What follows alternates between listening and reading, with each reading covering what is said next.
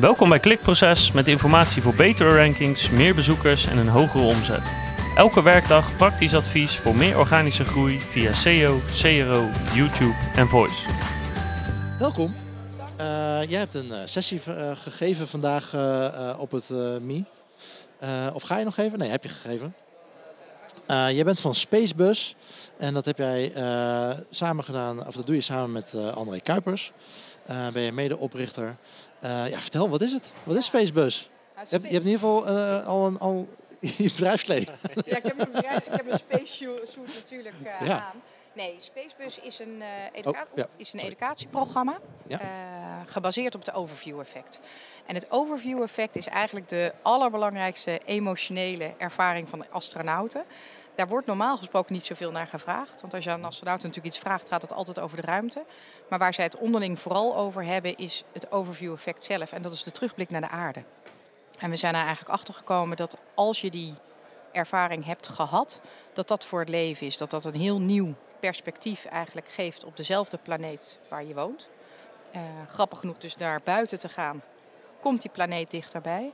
En dat die ervaring ervoor zorgt dat je met een nieuwe blik naar diezelfde aarde kijkt. En dat je daar vervolgens, als je op aarde bent, ook echt iets mee gaat doen. Dus al die astronauten hebben dat nieuwe perspectief en doen daar wat mee. Nou, sommigen heel radicaal, zoals bijvoorbeeld uh, Wibbel Okkels, die is echt helemaal klimaatactivist geworden. Maar er zijn ook mensen zoals André Kuipers bijvoorbeeld die zeggen van nou, ik wil me echt op educatie van kinderen storten. Er zijn astronauten die worden piloot of die worden um, uh, politicus. Andere astronauten uh, gaan in de kunst, maar ze doen er allemaal iets mee. Nou, en dat heeft ons eigenlijk geïnspireerd om te zeggen van nee, maar als dat nou zo impactvol is, stel dat je dat na zou kunnen bouwen op aarde. En we zouden dat aan kinderen kunnen geven. Dan zou je daarmee een generatie krijgen die toch met een nieuwe blik naar die aarde kijkt. Eigenlijk de ambassadeurs van de aarde. En hopelijk zijn die wat beter dan wij in staat om toch bepaalde beslissingen of stappen te nemen. Uh, wat ons van tijd tot tijd als volwassenen niet helemaal lukt. Dus dat is het, uh, het Spacebus-programma. Ja, tof. Want uh, ja, het, het, niet iedereen kan astronaut worden. Nee, zeker niet. dus, dus iedereen dat daadwerkelijk dat, dat laten meemaken, dat is natuurlijk een stuk lastiger. Ja. Um, ik had het, het, boek van Chris Hadfield ook gelezen. Dat was een hele reis die hij heeft ja. gemaakt hartstikke gaaf, maar uh, niet voor veel, veel mensen weggelegd. Uh, maar jullie hebben daar wat leuks op bedacht.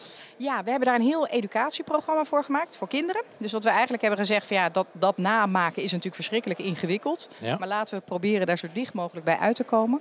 Dus we hebben een uh, educatieprogramma ontwikkeld waarbij kinderen ook echt in de voetsporen treden van een astronaut. Dus die komen op een dag op school en dan heb je de juf of de meester die tegen ze zegt van nou, luister lieve kinderen, we gaan naar de ruimte. Ja. Kun je niet zomaar naartoe. Want het is daar hartstikke gevaarlijk. Jullie moeten eerst getraind worden. Dat gebeurt met hulp van André Kuipers. En ze gaan dan een lesprogramma uh, in, waarbij ze eerst getraind worden. Uiteindelijk een astronautenexamen doen.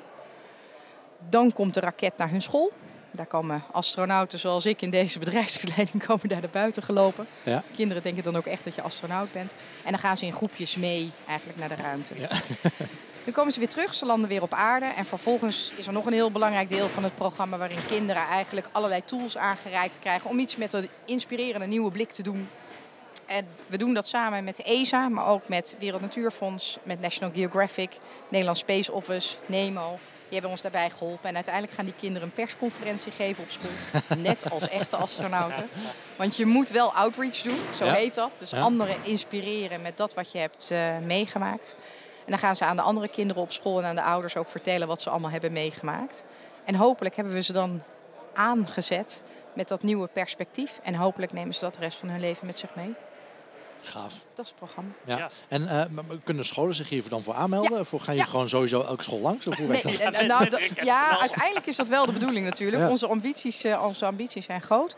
Nee, het programma is gratis voor scholen. Uh, expres, omdat we hebben gezegd van ja, dit, er mag geen enkele financiële barrière voor kinderen zijn om dit mee te maken. Dus wij werken met behulp van donaties. Uh, tot nu toe allemaal privaat gefund. Dus zijn allemaal individuen geweest die hebben gezegd: zo'n mooi programma, we gaan jullie helpen. Ja. Uh, we krijgen nu ook donaties van foundations, waardoor scholen zich gratis bij ons in kunnen schrijven. Um, en dan kom je helaas wel op de wachtlijst, want het is ja. heel druk. Ja. Uh, maar gelukkig komen er binnenkort. Nou, nog niet. Maar binnenkort komen er twee nieuwe komen erbij. Dus dan uh, vertrippelen we in capaciteit. En dan uh, kunnen we weer veel meer kinderen gaan inspireren met dit, met dit perspectief. En ehm, dat doen jullie niet alleen in Nederland? Nee, we doen, nee? nee, nee ook niet. Nee, daar zijn we ook wel een beetje trots op. Nee, we hebben eigenlijk vanaf moment één gezegd van, maar wacht even, deze ervaring is zo universeel.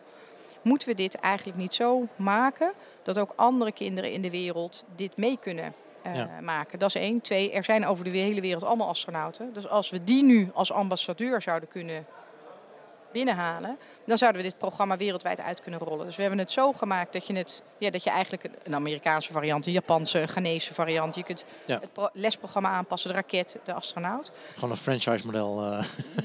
Ja, het is een open access model hebben we ervan gemaakt. We zijn een stichting, het is non-profit allemaal, het is niet commercieel. Ja. Uh, dus je kunt het uitrollen. En we hebben dat afgelopen najaar mogen presenteren op de privéconferentie van astronauten. Super cool. Er waren er 150. Ja. En André Kuipers had ons daar geïntroduceerd. Dus we hebben de raket naar de andere kant van de oceaan uh, gesleept daar de astronauten in het uh, programma uh, gehad. Nou, die hebben ook echt gezegd van nou, wij willen dit heel graag endorsen. En ja. daarna zijn we ook nog in Washington geweest bij de ruimtevaartindustrie. Ja, je liet daar net een filmpje van zien. Dat, dat filmpje staat online, neem ik aan? Ja, staat zeker online. Okay, ja, je kunt bij ons op de website kijken www.spacebus.earth. Aarde. Maar dat, dat, is ook wel lullig als je dan aankomt met die raket en dan stap je uit. En de enige die uitstappen zijn de enige niet-astronauten ja. die dan op ja. aanwezig zijn. nee, dat klopt. Dat klopt. ik moet ik wel zeggen, staat ook wel een beetje gek te kijken. Ja. ja. Hey, en uh, nu, nu sta, je, sta jij hier uh, bij MI. Ja. Marketing Insights Event. Ja. Uh, je hebt net een presentatie gegeven. Hoeveel kinderen zaten er in de zaal? Nou, genoeg worden, worden volwassenen best wel snel kind ja. als je het over ruimtevaart hebt. Dat is wel bijzonder, want op een of andere manier hebben heel veel mensen wel een verhaal van ja, ik wilde toen ook astronaut worden. Of ik weet nog dat André Kuiper naar de ruimte is gegaan. Ja, het spreekt heel erg tot de verbeelding. Ja, dat is wat het, wat het doet. Het zet toch de, de, de, de, kinderblik wel aan en het kinderavontuur. Maar hoe ging dat verhaal dan? Ik bedoel, uh, dus, dus geen uh, verhaal naar kinderen toe wat je gegeven hebt? Nee. Nee, dus hoe gaat dat uh, verhaal? Wat we eigenlijk uh, altijd presenteren is dat we uh, aan volwassenen vertellen waar het educatieprogramma op gebaseerd is. En we hebben een aantal prachtige filmpjes om mensen mee te trekken eigenlijk in die wereld waar wij met kinderen uh, in zitten. En over het algemeen kunnen ze zich dan heel goed voorstellen hoe het programma eruit is komen te zien. Ja. Maar wat we hier ook vooral verteld hebben is van nou, hoe kom je nou eigenlijk van, vanuit een inzicht, want het gaat hier over inzichten, tot uiteindelijk een heel uh, programma zoals wij dat hebben neergezet. En uh, dat is denk ik, hoop ik, inspirerend om naar te luisteren. En daar hebben we natuurlijk ook wel allerlei learnings. Dat, je, dat, dat dat ook niet makkelijk is. Dat dat echt wel veel doorzettingsvermogen ook behoeft om uiteindelijk tot zo'n soort programma te komen. Ja, want een inzicht komt niet vanzelf. Want als het vanzelf zou komen, zou iedereen het wel hebben. Nou, we zijn er met z'n allen verschrikkelijk hard naar op zoek. De juiste inzichten en de mooie inzichten. Um, dus dat is moeilijk om te vinden. Maar vervolgens, als je het hebt, begint het probleem eigenlijk pas echt. Want dan moet je ook echt een product ervan maken. Of in ons geval een kinderprogramma die ook een dusdanige impact heeft dat ze ambassadeurs van de aarde worden. Dus dat hebben we verteld. Ja, want het gaat vandaag uh, ook natuurlijk heel erg over, over data. Ja. Verzamelen jullie dan ook heel veel data? Is dat überhaupt te doen? Ja, uh, die verzamelen we zeker. Want uh, de Universiteit van Tilburg is aangesloten op ons programma. Okay. Want we hebben gezegd van ja, als je kinderen een mindshift wil geven, dan moet je ook wel weten of ja. dat lukt. Ja. Um, nou ja, dus... en, en ik heb daar laatst ook een hele discussie over gehad. Dat er zijn natuurlijk heel veel organisaties. Uh, het leidend voorwerp bij die discussie was Sieren. Ja. Uh, er zijn natuurlijk heel veel organisaties die gedrag willen veranderen. Ja. Um, maar nou ja, ik, ik ben uh, uh, psycholoog en ik doe heel veel experimenten online. Ja. Uh, ik weet uit ervaring, en heel veel van mijn beroepsgenoten weten uit ervaring van, ja, we kunnen allemaal dingen, maar meestal lukt dat, of de verandering vindt niet plaats. Mm -hmm. er gebeurt gewoon niks met welke interventie je ook doet. Ja. Of het gaat juist de andere kant op. Ja. En het voorbeeld bij Sieren was van, ja, Sieren is eigenlijk met de beste intenties wil je iets veranderen. Mm -hmm. Maar als jij niet valideert of het daadwerkelijk doet wat je wil. En ja. het, het, voorbeeld was van, nou ja, er staan er borden langs de weg. Oh, hebben ze ooit een campagne gehad bord langs de weg om mensen niet op WhatsApp te laten, want dat is gevaarlijk. Maar wat heel veel gedragspsychologisch is, ja, maar je, je, herinnert mensen nu aan dat er zoiets is als WhatsApp. In de eerste vijf seconden denk je misschien van, oh ja, nee, dat moet ik niet doen. Maar daarna denk je van, oh ja, misschien heb ik wel een berichtje. Dus onbewust oh, komt het. En waardoor je misschien dus wel uh, een negatief effect kunt hebben op, op wat je eigenlijk wil bereiken. Nee, dat klopt. En dat is natuurlijk de, de, je worst nightmare die je kunt uh, hebben. Uh, dat hebben wij natuurlijk ook wel, dat je, dat je hiermee het verkeerde gedrag zou faciliteren. Uh, de, de, definitieve uitkomsten van het eerste onderzoek hebben we nog ja. niet, maar die zijn wel veelbelovend. Jullie, jullie kijken in ieder geval naar de data, dat vind ik wel. Ja, ja. nou, ja nou, we, maar ook, we, zijn ook wel heel serieus, we zijn ook wel heel serieus in de missie. Hè? Want, want ja. als dit niet werkt, dan moet je hier gelijk mee stoppen. Weet je, zo simpel uh, is het ook. Daarom hebben we ook nummer 1 gebouwd omdat we gewoon helemaal niet weten of het werkt. Vandaar ook de universiteit erbij uh, gehaald en ook Epiphany erbij gehaald om op een goede manier onderzoek te kunnen doen. In ieder geval, en dan probeer je het op de beste manier te doen, waarbij we naar vier verschillende dimensies kijken. Dus de eerste dimensie is die all die astronauten hebben, dus die, die positieve ervaring en die negatieve uh, ervaring. Dat proberen we uit te meten of dat daadwerkelijk gebeurt. Ja. Een ander element wat we proberen te meten is, ontstaan er daadwerkelijk learning gains? Dus eh, is er leeropbrengst? Leren kinderen hierdoor uh, iets? En wat leren ze dan uh, precies? Dus dat is nummer twee. Drie, zorgt er dat er nu voor dat kinderen in beweging komen? Weet je, gaan ze er iets mee doen? Het maakt ons niet uit wat. Weet je, het kan ook zijn dat je daardoor uh, extra wolken gaat tekenen of de zon. Liever hopen we natuurlijk meer, maar dat ze er iets mee gaan doen, dat het aanzet tot gedrag. Ja. En de vierde component is dat je natuurlijk hoopt te gaan monitoren, dat ze dat ook over een langere periode gaan doen. Maar het is een heel ingewikkeld onderzoek. Ja, dat is maar, super lastig, real-life onderzoek. Uh, ja, dat, soort, dat is natuurlijk ingewikkeld. Um, het, het, voordeel wel met VR, in ieder geval het VR-stukje is, is dat je natuurlijk uh, met behulp van uh, tracking dingen kunt meten. Je kunt ook geluid meten, hè, dus je, je, hoort ook geluiden van kinderen en dergelijke. Dus we, we proberen daar een heel goed onderzoeksconstruct voor op te tuigen.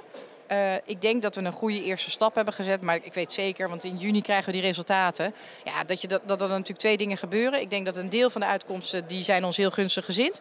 Want het, het, die kinderen zijn, die gaan echt wel aan, dat merk je al. Maar je gaat daar zeker verbeteringen nog in kunnen vinden. En ook in de onderzoeksmethode. Vanaf welke leeftijd is het?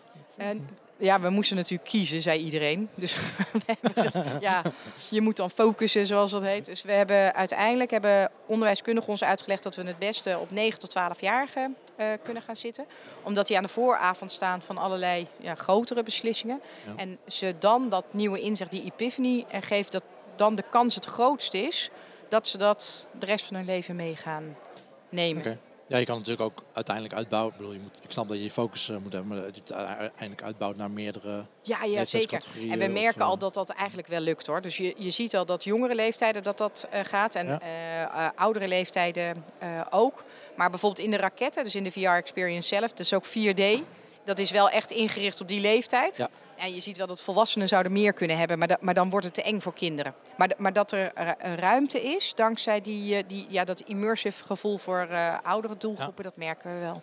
Ja, dus wie weet, dat zou mooi zijn. Ja, tof. Een oudere raket. Ja, de oude, ja, bijna wel. Ja, Ja, ja. Nee, dat klopt. Dus dat, dat, maar dat zou fantastisch zijn als dat zou, uh, zou lukken. Ja, hoe, lang duurt het programma? Uh, het, is niet, het, is niet, een uurtje eh, gedaan dat jullie nee, op school... Nee, absoluut niet. En dat is eigenlijk weer gebaseerd op de inzicht van ja, als je, als je iemand iets tien minuten laat doen, ja, weet je, dat beklijft gewoon helemaal niet. Nee. dus we hebben gezegd nee, we gaan kinderen een langere periode dit programma mee laten maken. Dus het, scholen kunnen kiezen.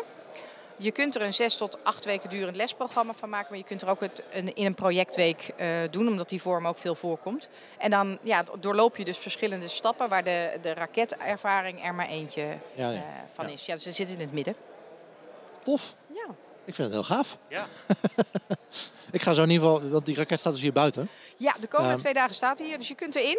Ja, Bart, Bart en ik zijn uh, volledig blind binnengelopen blijkbaar. We hebben hem niet gezien. We zijn de verkeerde kant binnengelopen. Ja, verkeerde kant. Ja, verkeerde, ja, verkeerde kant. kant. Ah, wat jammer. Wat Grote jaarbeurs. Nou, maar we hebben zo even een break, dus dan gaan we even kijken. Zeker weten. Dan gaan we daar uh, zeker even een uh, fotootje van maken. Nou ja, en ik ben heel erg benieuwd natuurlijk naar de data die, die eruit komt. Dus ja. We gaan connecten met jou op LinkedIn. dan over een half jaar dan... Nee, hartstikke, nee, hartstikke leuk. Dus kom dan ook vooral, volg ons daar zo. De, de, de, de indicatie die we nu krijgen is dat er op het gebied van all echt wel wat ja. gebeurt. En dat er op het gebied van learning gains uh, zich iets ontwikkelt. Dat is, meer wilde de proef niet vertellen. Dus ja. ik heb ook gezegd, nou prima, we wachten het eventjes uh, af. Maar dat zou natuurlijk fantastisch zijn als dat uh, ook daadwerkelijk lukt. Nou, er zijn wel in, in, ons vakgebied ook wel mensen die zich heel erg bezighouden met, met neuromarketing. Ja. er is al discussie over hoe, hoe effectief dat is. Maar dat, dat, dat is juist iets...